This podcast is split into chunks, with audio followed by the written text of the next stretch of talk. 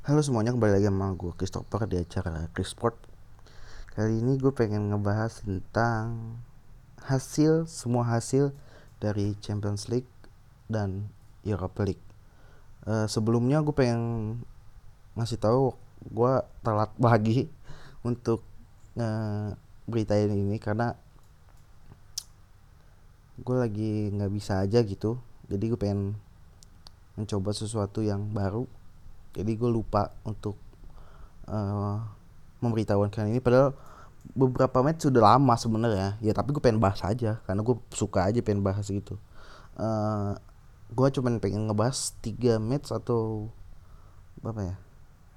Ya pokoknya itu aja uh, match yang Champions League sama Europa League tuh. Uh, kalau di Champions League tuh ada yang paling gua tertarik tuh Juventus lawan Porto. Pasti tuh. Karena wah gila keren banget. Terus uh, eh, PSG Barca. Dan uh, Dortmund Sevilla.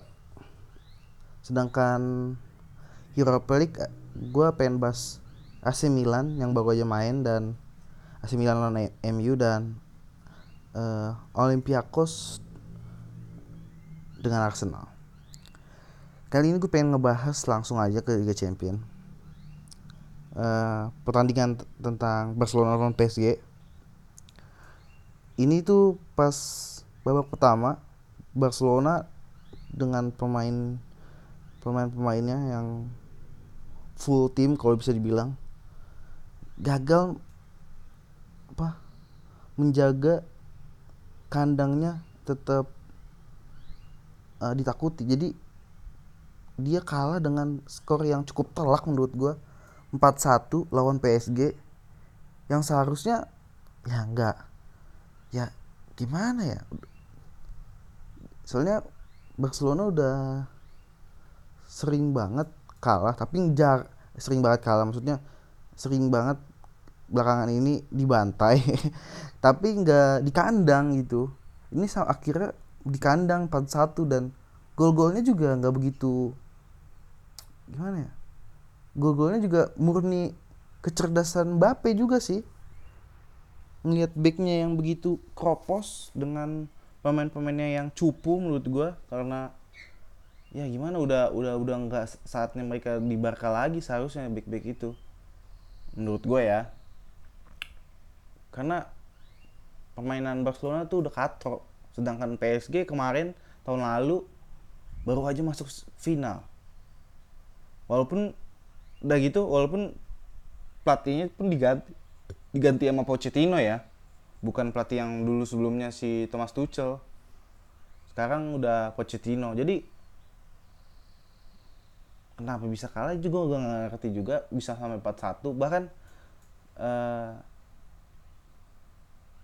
backnya itu kayak ya sampai ribut Pique sama Griezmann sendiri karena saking tidak ada uh, apa ya namanya seperti tidak ada chemistry dalam tim uh, ketika bermain menurut gue sedangkan PSG mainnya gila gila hancur banget keren.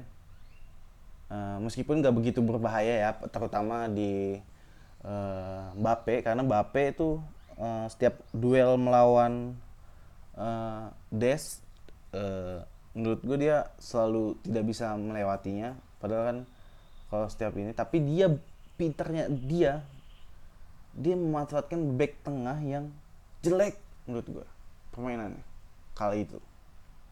Jadi dia, mencoba menusuk lebih ke tengah.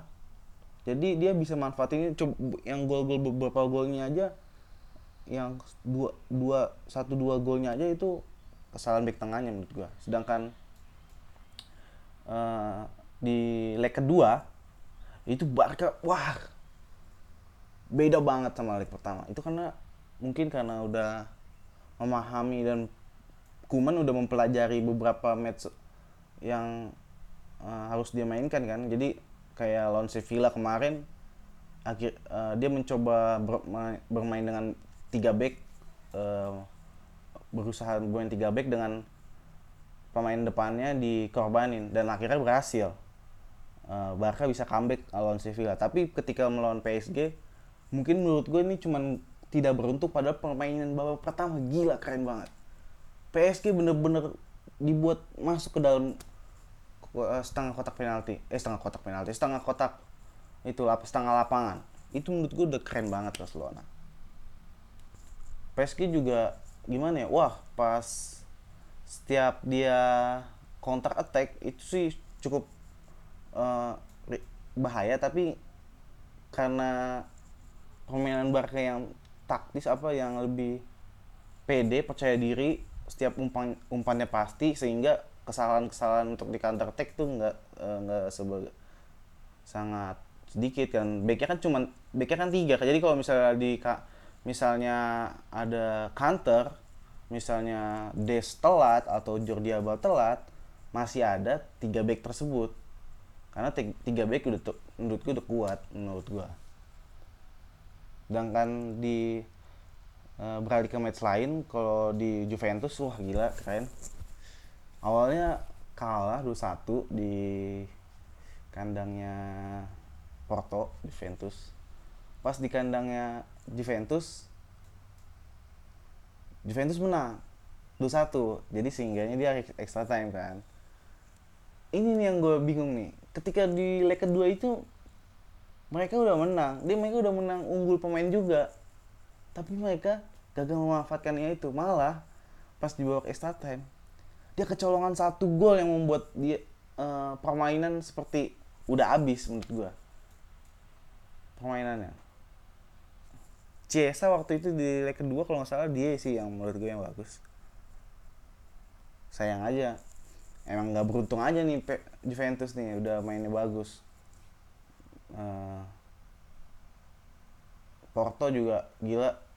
Uh, semangatnya dia untuk melawan bermain dengan uh, di kandang Juventus walaupun terpaksa bermain dengan 10 orang dia tetap tetap tetap gigih banget. Uh, sepak bola benar-benar itulah itulah sepak bola indahnya sepak bola. Kita nggak bisa tahu apa yang terjadi di, di sepak bola dengan keunggulan yang kita harap. Wah keunggulan buat Juventus. Tapi belum tentu Juventus menang. Itu sih yang menurut gua uh, keren kalau setiap nonton bola. Terus di untuk di Liga uh, Europa League eh di Champions League juga nggak nih yang Champions League. Kalau di Dortmund masih masih di Champions League. Kalau Dortmund lawan Sevilla yang tertarik tuh cuma Halan doang ngeliatnya. Karena Halan tuh kayak nanti bakal jadi mega bintang di uh, klub-klub klub-klub gede ya. Ini maksud gua Dortmund udah gede tapi masih dia bakalan pindah ke klub yang lebih besar. Jadi ini bakal jadi incar-incaran pemain sehingga gua menurut gua ini pemain harus diperhatiin dan gila aja pas lawan Sevilla. Mantep banget. Dia selalu memberikan gol kepada Dortmund dan ya dia top kelas Bape sama kayak Bape tapi ya gimana ya Bape udah udah beberapa ini udah emang udah top kelas tapi uh, eh, Halan baru-baru ini gue lihat semakin gila semakin gila belakangan ini kalau Mbappe belakangan ini ya udah biasa aja. Kalau kalau Halan makin gila menurut gue terus kalau di Liga Europa League gue tertarik sama Arsenal. Tadi gue nontonnya cuman tapi gue cuma nonton di leg keduanya. Gila banget Aubameyang sumpah. Setiap dia dapat peluang di depan kotak dari depan uh, ini anjir gagal dia. Dia pakai kaki udah lepas dari back dua back depan udah depan kiper. Mana yang pakai kaki kiri dan dan hasilnya ke kanan ke jauh banget. Ke aduh melenceng dari gawang. Aduh aneh banget. Padahal itu pemain pemain udah sekelas Aubameyang masih bisa melakukan kesalahan itu itu sih yang cukup unik menurut gue karena Aubameyang kita tahu lah kelasnya Aubameyang. Ya meskipun akhirnya uh, walaupun uh, Olympiakos waktu itu berhasil unggul 1-0 tapi tapi uh, mereka menang uh, Arsenal lolos akhirnya karena mereka menang agregat. Beruntung banget sebenarnya juga menurut gua Arsenal bisa menang lolos karena agregat. Padahal hancur banget sih kalau gue lihat mainnya. Apalagi pas de aduh depan gawang. Aubameyang nggak banget sih Aubameyang. Kalau gimana ya? Ya gitulah terutama Aubameyang. Eh Aubameyang lah. Kacau lah. Terus kalau uh, AC Milan MU gue nggak nonton tapi gue cukup lihat wah keren. MU dengan gol Pogba yang gue lihat di uh, cuplikannya gol Pogba yang gimana ya? Terlalu apa? Terlalu apa kayak main-main di depan gawang nggak jelas banget. Si Casey berusaha buang gagal berusaha buang gagal. Dan akhirnya Pogba tinggal der hajar shoot masuk. Di depan terlalu lama di depan gawang itu membuat tim itu bakal tim yang diserang tuh bakal bahaya menurut gua. Kalau misalnya tim lawan di kotak penalti sehingga kejadian itu akhirnya berhasil dan ya lolos MU dengan satu gol itu. Tapi kalau prediksi gua yang nanti siapa yang Liga Europa League ya? Lihatlah nanti lah kita lihat. Nanti gue bakal kasih prediksi Liga Champions sama Liga Europa League. Kalau gue sempet ya terima kasih